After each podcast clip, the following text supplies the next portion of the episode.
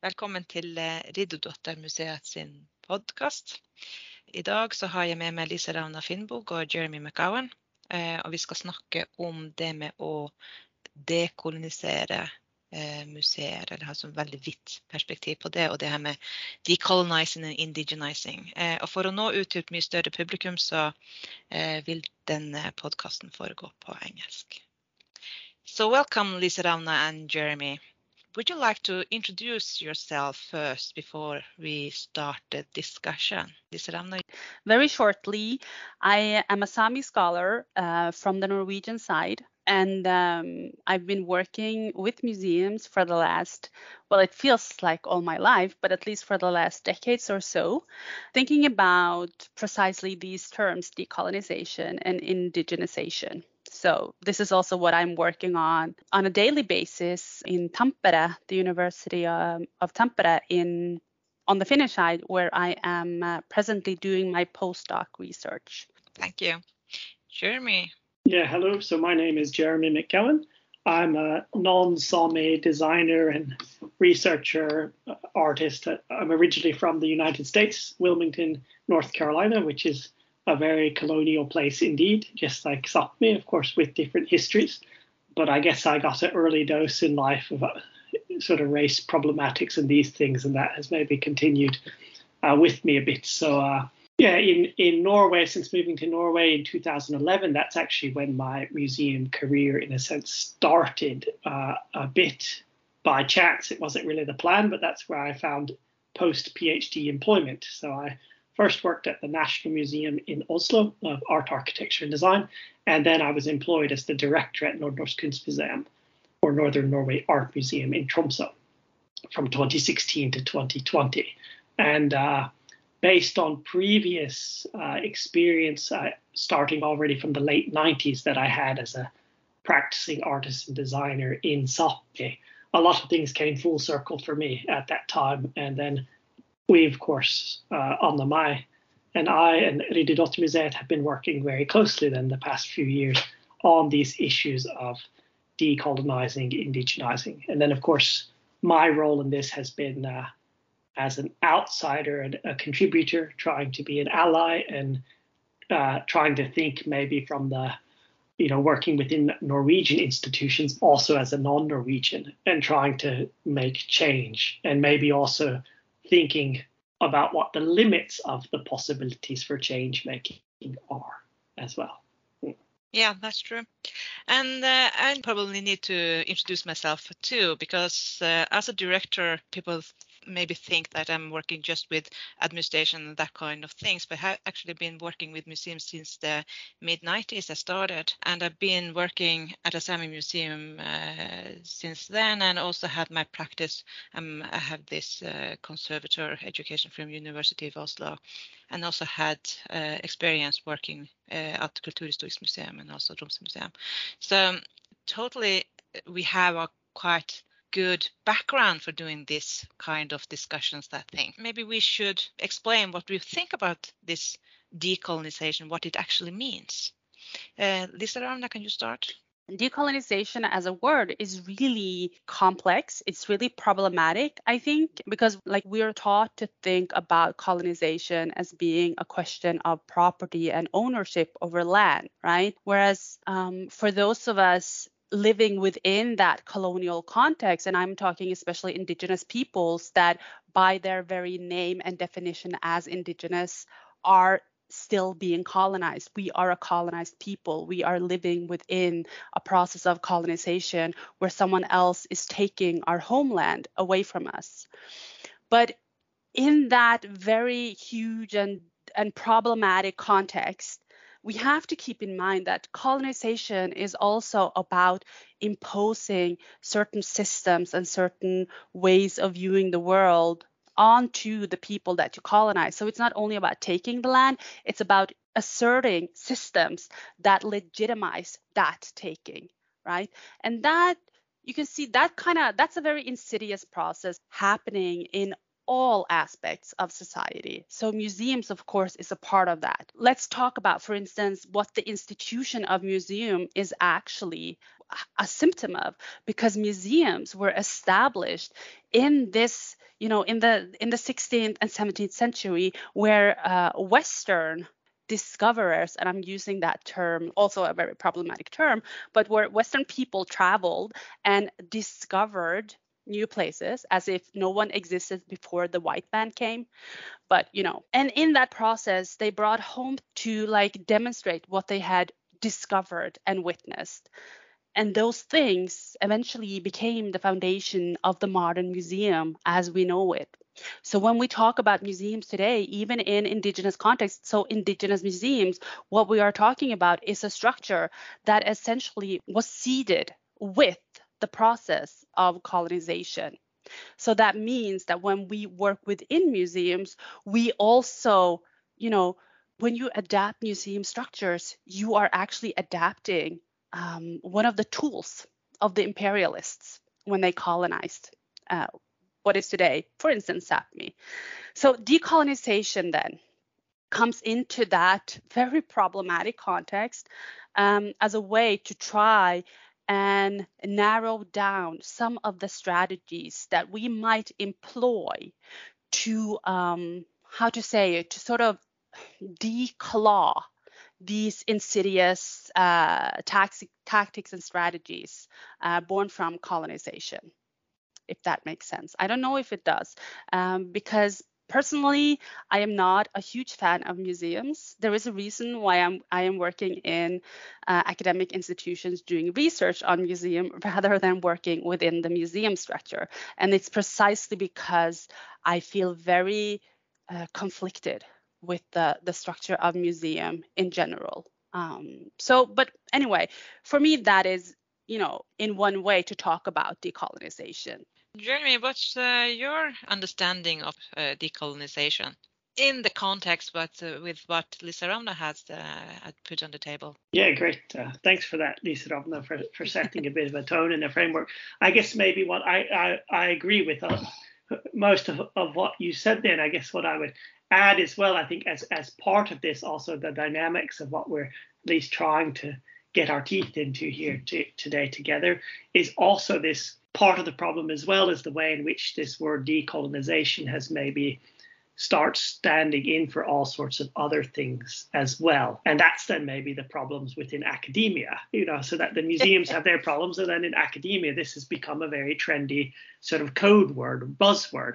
And, mm. and it gets critique as well. But it, in a sense, it just starts standing in for uh, all sorts of undefined, maybe slightly ambiguous social justice movements, which aren't necessarily aligned with, they might even be conflicting movements. So that it also very quickly gets the sort of the potential of decolonizing and what we might read into that as a revolutionary, sort of truly like a paradigm shifting or a taking back act gets very quickly watered down as well, so that mm. everybody starts talking about decolonization and it becomes very much maybe small. Uh, it it dead ends in tokenism maybe very mm. quickly, and so we have to be careful about that as well. So what are we actually doing? And and for me, I guess uh, you know I tried. I understand what Liisa-Rávná is saying about museums and being conflicted around that, and I think it's very interesting to get concrete about things. So my experiences, for example, working with Nordnorsk Kunstmuseum, that of course, everything Liisa-Rávná said, you know, as a as an example. Then we have these institutions that get founded in the case of Northern Norway Art Museum, founded in 1985. So not not from the 16, 1700. You know, it's a it's a post in a Sápmi context, a post Alta controversy institution and even so, then it, it, I would argue, takes on a very colonial role, you know, and of course that's then, you know, it, some people want to talk about post-colonial, and of course most people in Sápmi, you know, it's an, as Liisa-Rávná said, it's an ongoing colonial thing, and a museum like Nordnorsk Kunstmuseum, I would argue, is evidence of that ongoing colonial move, right? So there was a potential maybe also for a, a majority uh, institution, a Norwegian institution founded in 1985, we could have hoped that that institution also could have been something other than what it was. But no, it gets established as a sort of majority stakeholder or something to uphold these colonial trajectories as well. So there's clearly a lot of work to be done. Uh, so we have to avoid like the easy like metaphorization of the word so it doesn't get just watered down and become meaningless and then we also have it's that balancing act also between you know trying to work within structures when we can and working without when yeah. And of course i don't profess to have the answers here either but i wanted to add that in as to make our work even trickier to add in that warning note of the the watering down tendency. Mm. Mm. That's true. And also thinking of that, uh, us uh, been working at a Sami uh, institution for so long time, um, and actually just learning about this decolonization or or this uh, need to indigenize uh, now. But actually, the museum was uh, Sámiid Vuorká-Dávvirat was established uh, in 1972. It's uh, 50 years this year, and in the beginning, uh, we were working with and uh, using our own knowledge, language, um, tradition in the museum kind of work. But after a while, it was asked questions. Are you actually good enough museums if you're not working with within this museum? What, what do you call it? Acceptable uh, level of or, or this academic uh, kind of museum practices. And that was quite interesting because uh, when I have been working with this conservation, that I wanted to to use our own knowledge in the conservation work instead of the academic, because I also experienced that our uh, objects actually uh, have better results using traditional knowledge than uh, using this academic knowledge that I have. And in that perspective, it was quite interesting to see that the museum was built on this Sami way of thinking and our own traditions. But then they got the knowledge that, well, if you're not working in this accepted uh, strategies, then you are not a good enough museum. Then you are not working as a museum. Then you are something else. And then learning about words that has been more used now than before, like indigenizing. But actually, we were not indigenizing. We were trying to build a structure that uh, the rest of uh, the world could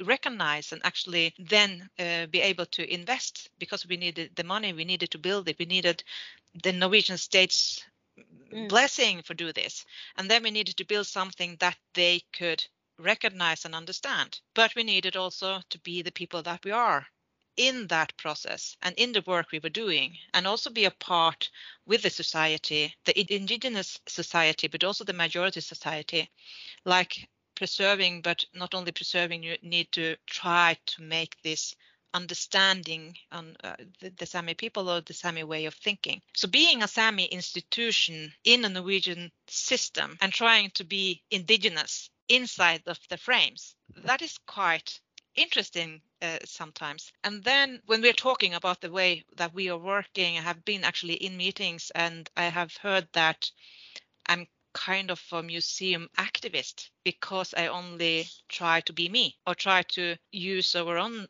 language, our own tradition and technology. And then I'm an activist. And I react on that in a kind of uh, not surprised. It's it's probably the normal state uh, to be questioned all the time. Think that well, they are thinking about this decolonizing or colonizing. The Norwegian system is not thinking that actually they are being colonized because they are taking the information or this academic from abroad into the Norwegian school system and colonize the minds of the youth that is going to be working at the museums afterwards. So I see also see this conflict between the indigenous way of thinking and this uh, majority way of thinking that actually are a colonized way of thinking because the students are not taking care of their own traditions, the Norwegian traditional way of thinking or technology or traditions. They are being colonized in university systems. So this is a big picture or big, uh, what do you call it, å bleke in Norwegian. So what are you, Liisa-Rávná, thinking when I'm saying that the university system is actually a part of this colonization problem? Mm. Yeah, I mean, I have so many thoughts when when listening to you speak because I mean, first of all, I think we have to we have to recognize that the world we live in and it doesn't matter if you're indigenous or if you're not, the world we live in is a colonial world. So the structures that has built the society, the system that we work and function within, that has been established through a process of colonization. So colonization impacts on everything, including academia. But I'll get back to that um, a little bit later because I wanted to talk about this. And, and again, we, we go back to what I was saying earlier that museum is a colonial structure because, as you know, I've been working for many years now doing research on Sami museums and how they develop. And what we can clearly see is a very distinctive pattern that um, initially uh, the local population within a community come together and they realize they need something to strengthen their cultural expressions and aspects.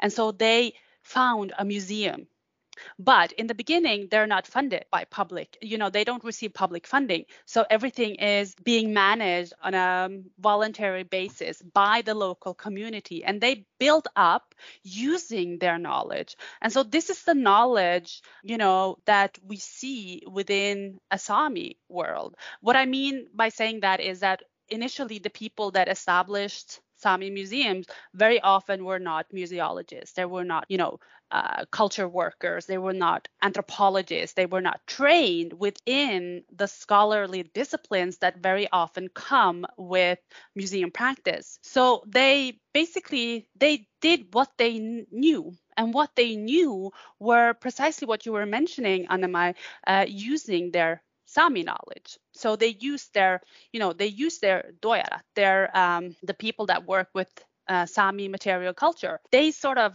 made up this wonderful connections and institutions, beautiful institutions uh, and the local people often felt that they had ownership, they had a stake in that institution. But then comes this process of, you know, when you are trying to become acknowledged as a museum, you want to have funding to do more. You want to have funding, especially to safeguard the cultural expressions. And to do that, there are certain criteria that you need to meet. Those criteria not only are they distinctively colonial, they are actually, I would say, in a way, you could say that those criteria uh, are a danger to Sami knowledge and Sami epistemology, so systems of knowledge. And let's go back to that a little bit, because when you are talking about how academia how universities are spaces of colonialism, you're absolutely right.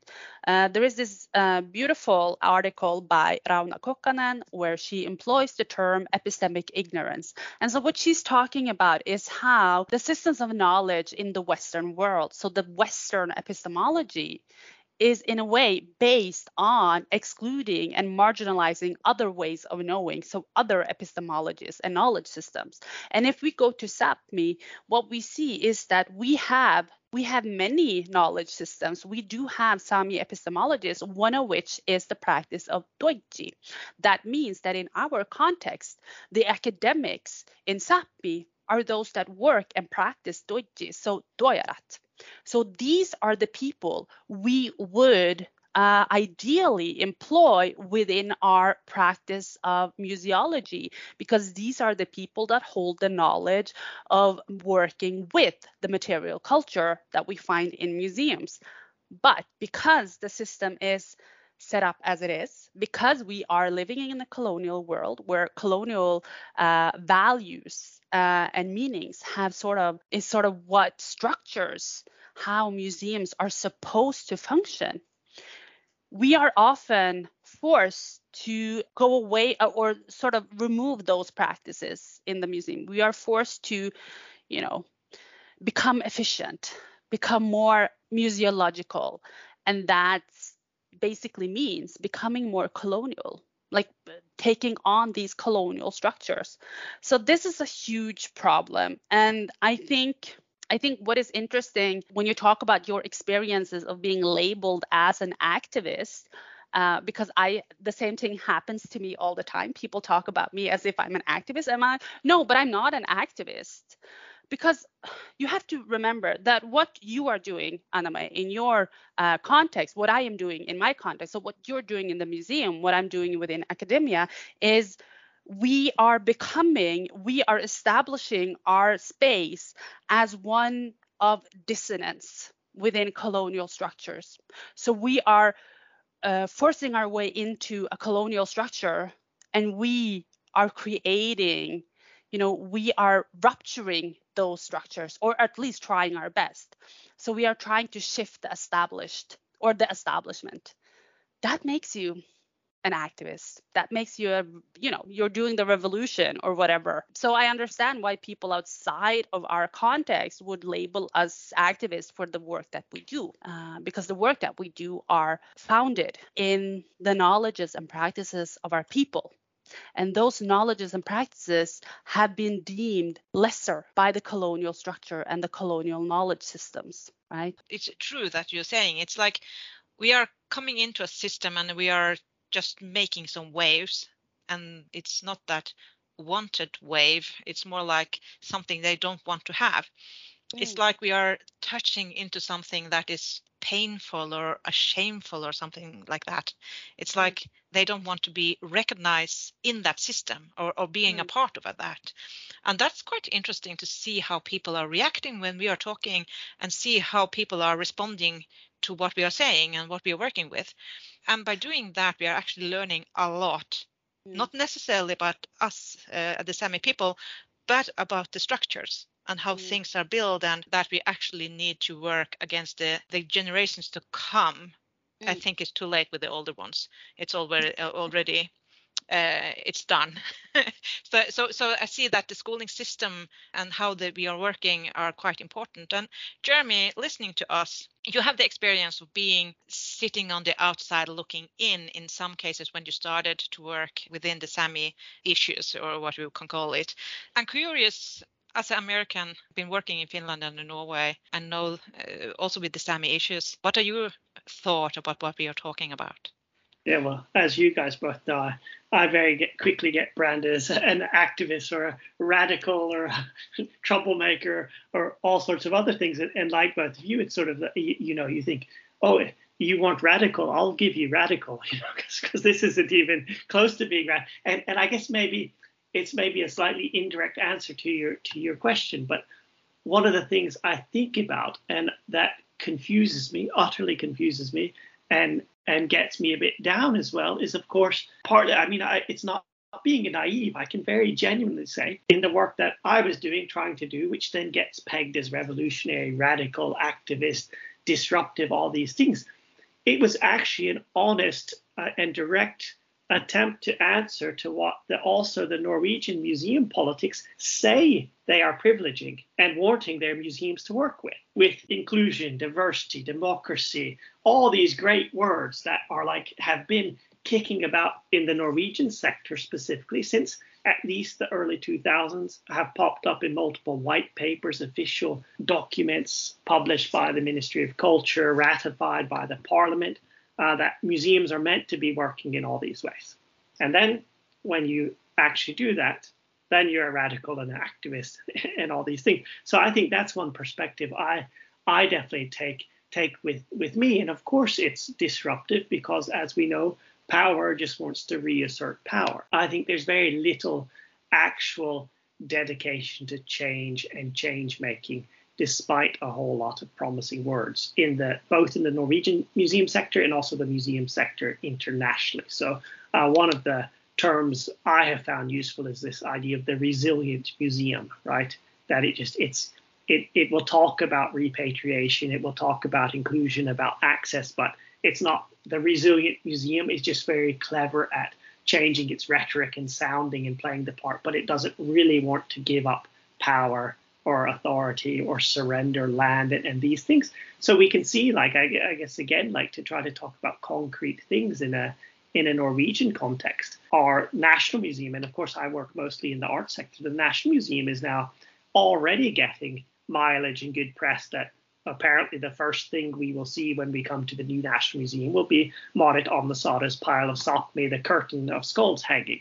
And it's like, okay, yeah, that's great. Way long overdue, and is that it? is that really it? You know, so uh, are we not going to talk about when is the National Museum even going to start having a discussion about whether they might, maybe, should possibly have a Sami curator? I mean, come on. And, and these are not hard changes to make. These are like if they just looked at best practice elsewhere, they would, you know, and and then is it so easy to sell this narrative to the rest of the world of sort of you know, does that mean that now the National Museum is taking decolonization seriously? That they hang up hang up one piece of work on a wall in a central space, but there's no change of structures, no change of you know, what about their 900 million a year in funding? Is that being channeled? I mean, imagine the things you could do to support all the local upstart initiatives in Sápmi with just some of that funding, right? That might look more like real change or an attempt to share power or surrender power. So I think we have to talk about these things as well. Uh, and for me, I guess with that the, the design background I have, I may be trained in in seeing things, also simplifying things or trying to put things pinpoint things. And that often becomes uncomfortable for power or the, the state, the power holders to be confronted with, in a sense, simple truths. And then to speak those truths be, becomes a, di- a disturbing thing. And then you get then you get dismissed as being an activist and a disruptor and these things. But then of course we have to keep doing that work. And we have to normalize this what i would say you know the sort of type of so-called activist work we might be engaging in. We, that has to get normalized so we can take a little baby step forward so you know that we can if we could eventually get to real activism and real radicalism that that would look some that would look very different than what we're getting labeled as now. Because yeah as i've said before many times you know some of the, the work we did around with the Sami Museum project at Nordnorsk Kunstmuseum, you know, that my argument has always been that was at best dragging an institution into the 1980s, bringing it back to where it should have started in 1985, right? so that's a, what's that, a 40 year time lag? So we're being activist and radical when we're sort of doing these future projection scenarios, but it's actually a back to the future. We're going back and trying to trying to reconceive something as it should have been in the 1980s. You know, but we have we have to do the work and we can't let it get us down. We have to keep going and have to have some hope uh, that real activism and radicalism might come along in a, few years down the line. Can I ask a question though? Because um, what you were saying earlier, Jeremy, about um, how decolonization, you know, processes of decolonization so often runs the risk of becoming about tokenism, right? Because it's interesting how, you know, when Anna and I are labeled activists, it's almost expected of us because we are Sami. So, of course, we will protest. Because, you know, regardless of whether you recognize uh, or you publicly recognize the power dynamics within the context of Sápmi and Norway, Sweden, Finland, and Russia, uh, and any col- colonial nation, you do realize that it's there, you know? It, is clearly there. You recognize that. So there's this kind of, well, of course, you know, these activists, because that's what they do. Ha ha ha. But when you, Jeremy, are being an activist, because you are you know you're white you're male you're a person of privilege within the structure like the colonial structure and hierarchies. So do you think that quite often then when you are being labeled as an activist that's a more insidious labeling because then they are also pointing out that you are kind of going against the establishment against the system so against what should be your you know clique if you get my meaning. Yeah, I get you. Mean. And there's a there's an extra layer of insidiousness there as well because I often, when people have raised this issue, oh, you're being so activist and doing doing this work that you're doing, there's also a big danger as well that uh, I become a sort of savior or a redeeming, a tool of redemption for the majority structure, right? That uh, especially for Nordic Nordic peoples, Norwegians, that oh yeah, Jeremy, you you saw these things because you came from the outside.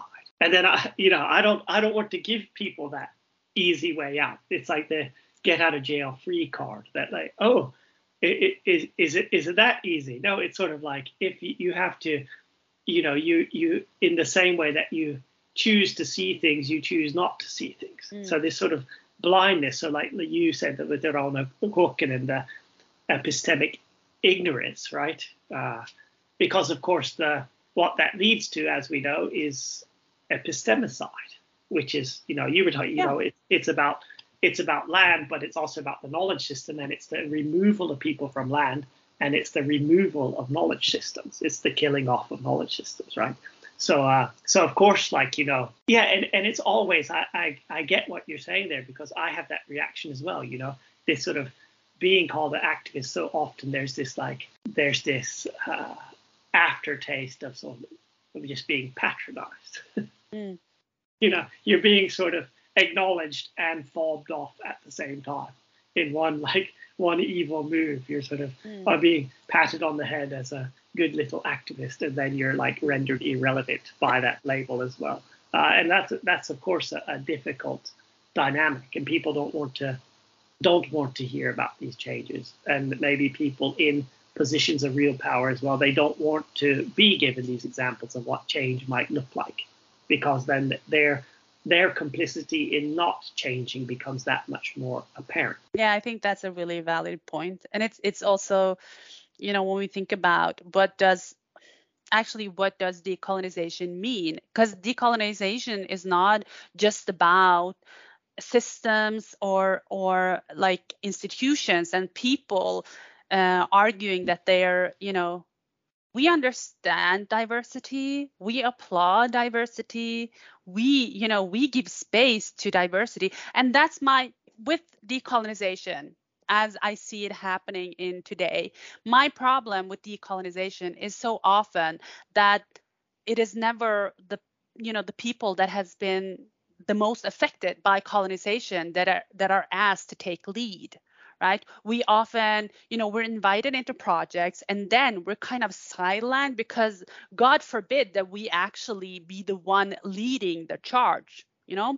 And i think it's interesting you know you're talking about the white savior the white you know the, the person that comes in and and saves and makes everything perfect. Because it's not only about the white savior within these institutions you know someone that the institution can look to and say but look we we are decolonizing. Look we have the white savior in our midst. Like we are so great.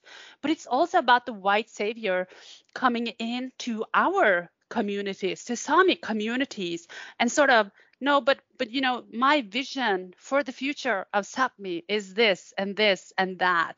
And then the problem is that if your vision if this if a sami person's vision of the future does not you know align with the vision of the white savior they become a problem and then they are marginalized because even in these contexts the power is never in our hands.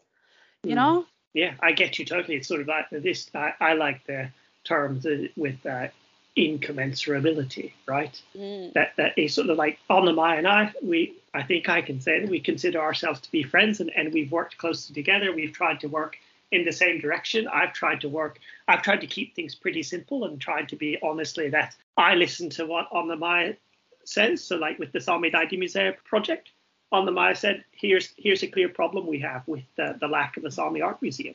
So that was the uh, only intention or my role in that was, okay, what can we do to talk about that? What you want to talk about, right?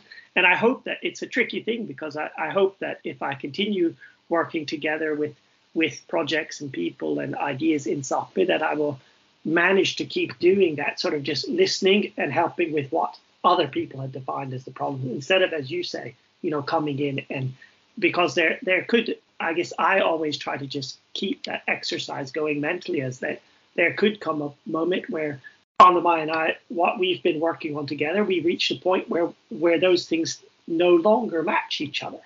And then I need to really get out of the way, right? That would be the the only mm. thing to do with that, like that sort of working towards a Sami art museum in this way is no longer compatible with the actual needs of Sapmi or uh, of what on the mind might say it is. And then it's the sort of change tack to get out of the way. and not be, you know, not have a leadership position. And so this, uh, yeah, I think this idea of incommensurability is very important, and we know that from other situations as well, like uh, with Trask in the, the Hawaii, you know, that sort of, as we know, sort of feminism and indigenous needs and aren't necessarily the same thing in certain contexts, and to never forget that that we mm. we might, despite friendships and personal interactions, there might be incompatible agendas as well at some mm. point. Jeremy, do you remember uh, when we started uh, to working together that some of the critics to our project actually didn't came to me. They actually went to Jeremy to tell him uh, about all the problems uh, why the Sami art museum haven't haven't been built yet. I don't know how to to say that in English, but it, it, it seems like they they needed to explain something to Jeremy because he didn't have this knowledge about the Sami people. So he needed to to get mm. some knowledge from others, from the Norwegian Society or the Museum Society. And Jeremy, do you remember uh, how you reacted on that? Yeah, uh, if I, if I'm remembering the same thing as what you're referring to, yeah, it was a bit these sort of you know conversations in the wings or sort of sideline conversations where I would you know be taken aside to be like you know educated in what the real issues are. Like the real reason there is not a Sami art museum still today after 50 years is because you know those pesky Sami people they're they're always arguing amongst themselves these sort of like quite horrible things and of course I wasn't able to just take that and not respond. So I often pushed back quite strongly. Oh yeah. Oh, so, so is what you're saying to me is that it's that there's only internal conflicts among Sami people that doesn't happen in other cultures. So this idea that all Sami people should always agree on all things, right? So, mm. and I hear a lot today now. There's there's a lot of murmurings in the museum world, in the cultural politics in the Nordic countries, in whatever you know. There's always discussion. There's not a general homogenous idea of things. That that's mm. the that's what culture is. Culture is dynamic, and uh, mm. and when I often meet those murmurings with very straightforward, like, no, I'm not buying that, and I'm not going to participate in this type of conversation, which which I find very problematic. And then people get insulted very quickly and get a bit mm. offended when you then take that clear stand and say, no, I'm not going to participate in this type of discussion. No, but that but that's actually touching upon a very a, a, very large problem in indigenous context in general because it's always this you know one of the ways that you could legitimize the sealing of indigenous lands was of course to talk about indigenous people as lesser. But when it comes to uh, you know our evolution we were just arrested in development. We we didn't have the qualities needed to like sort of advance past our present stage. So this this static this idea of us being static people frozen in time has, you know, it's generated essentialism that we are mm-hmm. always ex- expected to agree on anything. Uh, and this is, you know, it's such a toxic image, it's such a toxic expectation and perspective, but it is also so incredibly dangerous. Uh, I remember a few years back, uh, I was attending a seminar on extractive industries, and one of the people there who represented Statoil, or it was at that time called Statoil, and he talked about the problem of working within southern uh, like south america because you could go into uh, an area that was interesting that was you know interesting for development from a western company. And then you would have to deal with say 10 communities indigenous communities. And then this guy actually had the audacity to say to like all of these people sitting there many of them whom like many of us were indigenous that and the problem then of course becomes that if nine communities says no what about that one community that says yes? Like how do we fix that? And it's like okay listen listen man if in any other context in a colonial Western country or nation, if you had a problem, say a highway is going to be built, I don't know, somewhere in Norway, and you have like 10 municipalities that would be affected.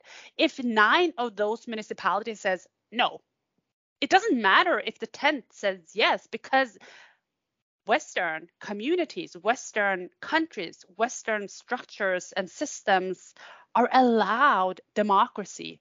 We are not. right? And this is a problem that is used against us again and again and again. Because if there is disagreement amongst us, which, you know, it's the case in all cultures that there are disagreements, that's just one example of us not having reached that elevated state where we are able to function as civilized people meaning functioned as the western society so the racism in mm. that thought and that and you know the, the people that came to you jeremy and like had to explain to you the problems and issues essentially these people were racists yeah, and we should never listen to them yeah. anyway and one of one of my tactics has been i i like to pull my North Carolina card because North Carolina, for those of you that don't know, that's proper Bible Belt, southern U.S., extremely racist. And one of the most one of my maybe best unsettling tactics that I use in these type of conversations is to say, you know, that starts sounding a lot like what I'm familiar with from North Carolina. and that that that unsettles a lot of Nordic people much more than like trying to talk about structural racism in Sápmi. When you actually say, this looks, I, I'm familiar with this from a sort of Bible Belt deep south situation. This, this is that's the type of things people say there that sort of seems to sort of strike home in in interesting ways. And of course, people mm. get very offended, but uh, but yeah, that's so it, yeah, that's you know to call out that racism when it comes is is very important. And then again, you go then you get dismissed as being a, a radical. You know, you're not mm. you're not soft enough and round enough around the edges. Mm. Yeah, and in that context, I think it's really important. Like personally, I'm not a huge fan of the word ally because I feel ally is some, you know, I had the privilege of talking to Shawn Wilson once, who wrote about, you know, research as ceremony, and he said something really interesting. He said, like, you know, an ally is someone that, you know, when the going gets tough, they can leave. They they're not, you know, they're not bound to the conflict in the same way an accomplice, on the other hand, they don't leave. They remain in, you know, in the problem, in the context, no matter what. Like for me, very often the difference is that an ally is someone that very often is performative they want to be seen to support uh, diversity and these very important issues. But when they're asked to actually make a difference, that's when they sort of silently vanish because that's mm. not that's not really interesting yeah so like to take a stand to actually take a risk yeah. to put, to put something online yourself that might have consequences for you in your life and then yes. then you then you duck out of yeah and disappear quietly exactly mm.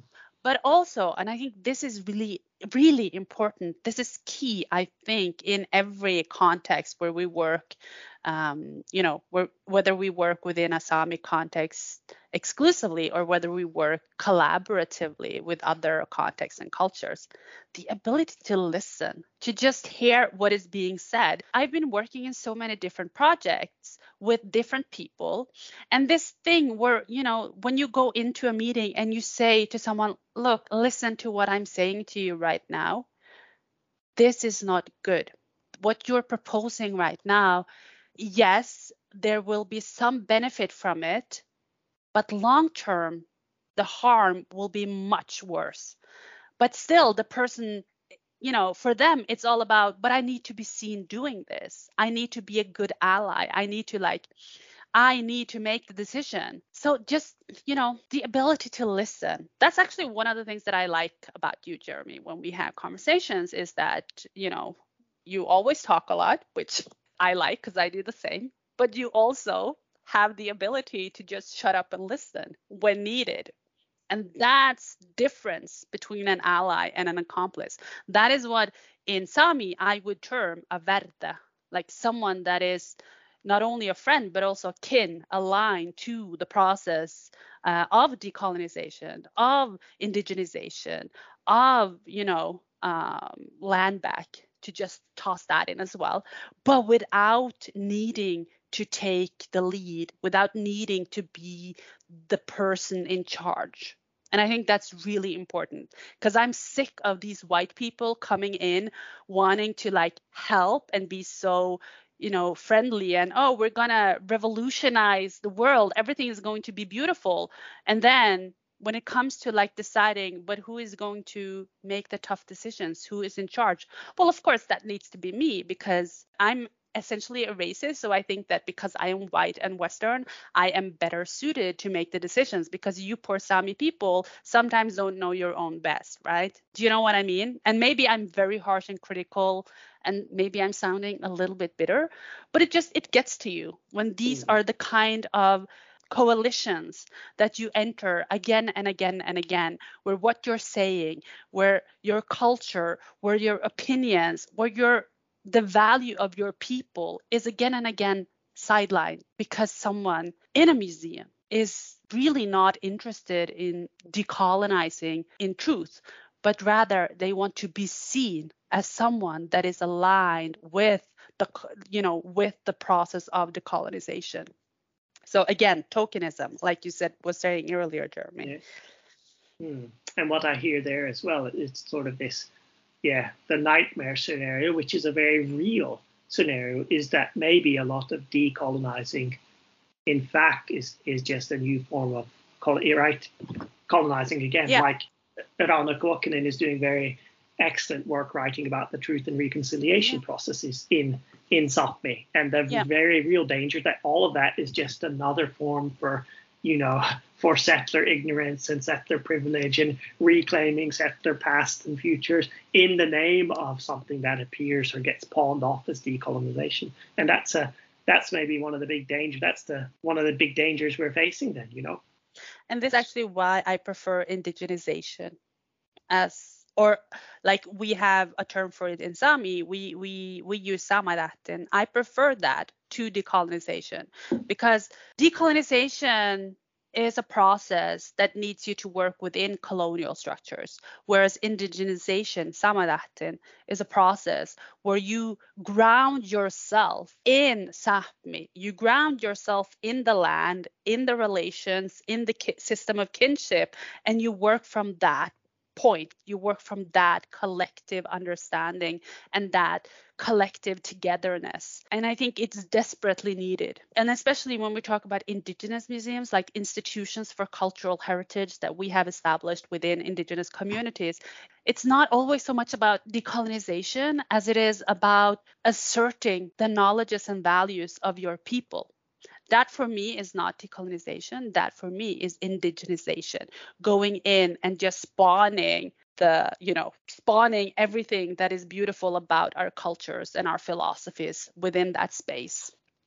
Uh, I also think that indigenization is actually being allowed to use our own language, our own technology, our own way of uh-huh. doing things and um, it's more like for me it's uh, as a as a director of Sami museums it's not that I'm not indigenizing a Sami museum.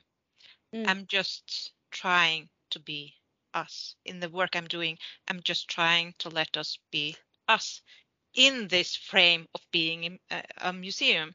And I also think that decolonizing as a word for me means that uh, if we are going to decolonize, then we have to talk about to be equal, actually going to be listened to, and we are going to be able to be speaking, mm.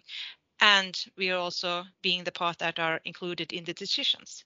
Mm. If we are not, it's not decolonizing, then it's mm. still colonizing. So it's like it's what you put in the meanings of the word words, mm. and I think that the discussion between you guys actually uh, is showing that in a good way or people that are listening to this actually can can get this uh, understanding of what we actually mean with what are decolonizing and what is indigenizing. And and we are not trying to decolonize or mm. indigenize at all.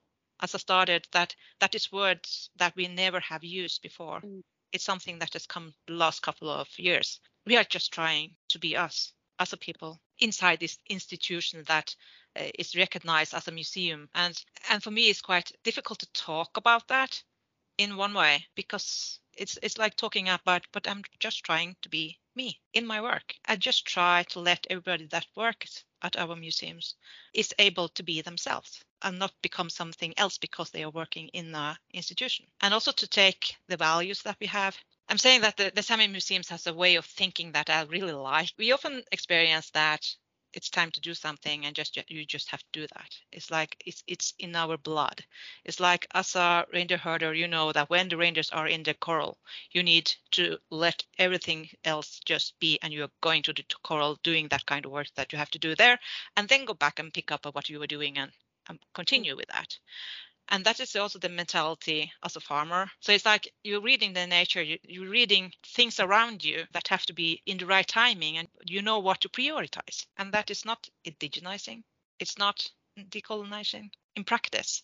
And i don't think that other institutions can talk about decolonization if we as a people is not equal. If, mm. if we are not equal they are not decolonizing.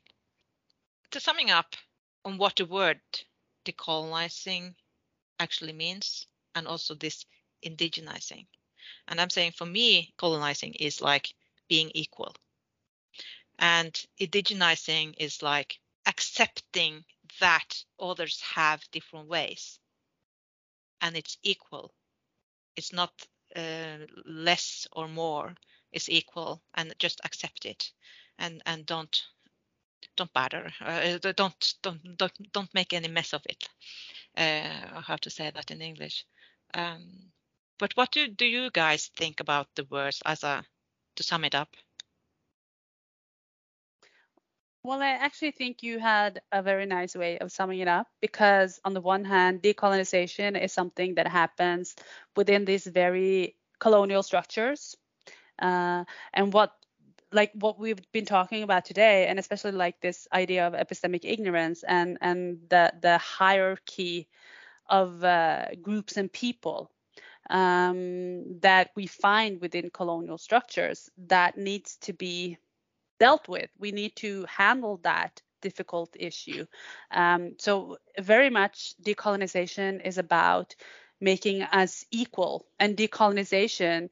And it's it's interesting because for me, decolonization is not so much about being allowed to, but more about you take your right because that is that is a basic human right. It is your right to be able to breathe as a free person in your way, you know, in your own way of living. And now, you know, that's of course a good way of putting it. So I think, yeah, no, I think I think I, I very much agree with how you you summarized it, Anne May. I think I also think that what you're saying about you know decolonization and indigenization that you don't think about what it is you're doing you just you're just doing it that's of course because as i was saying initially like these terms were have been made to fit within the colonial structure that labels everything that, that need labels on everything because that's the only way things make sense. That's the only way you can make order and structure of the world. Uh, of course, that order and structure is colonial,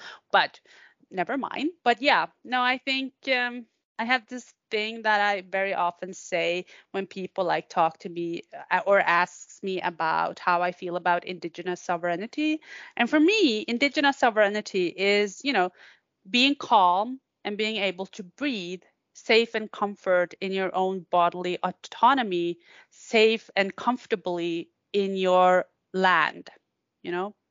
And I think indigenization very much um, refers to that state of mind, being calm, breathing, and just doing what it is that we have always done and that we continue to do, despite all of this annoying uh, interventions by colonial structures and also annoying interventions by Norwegians, Swedes, Finns, and Russians.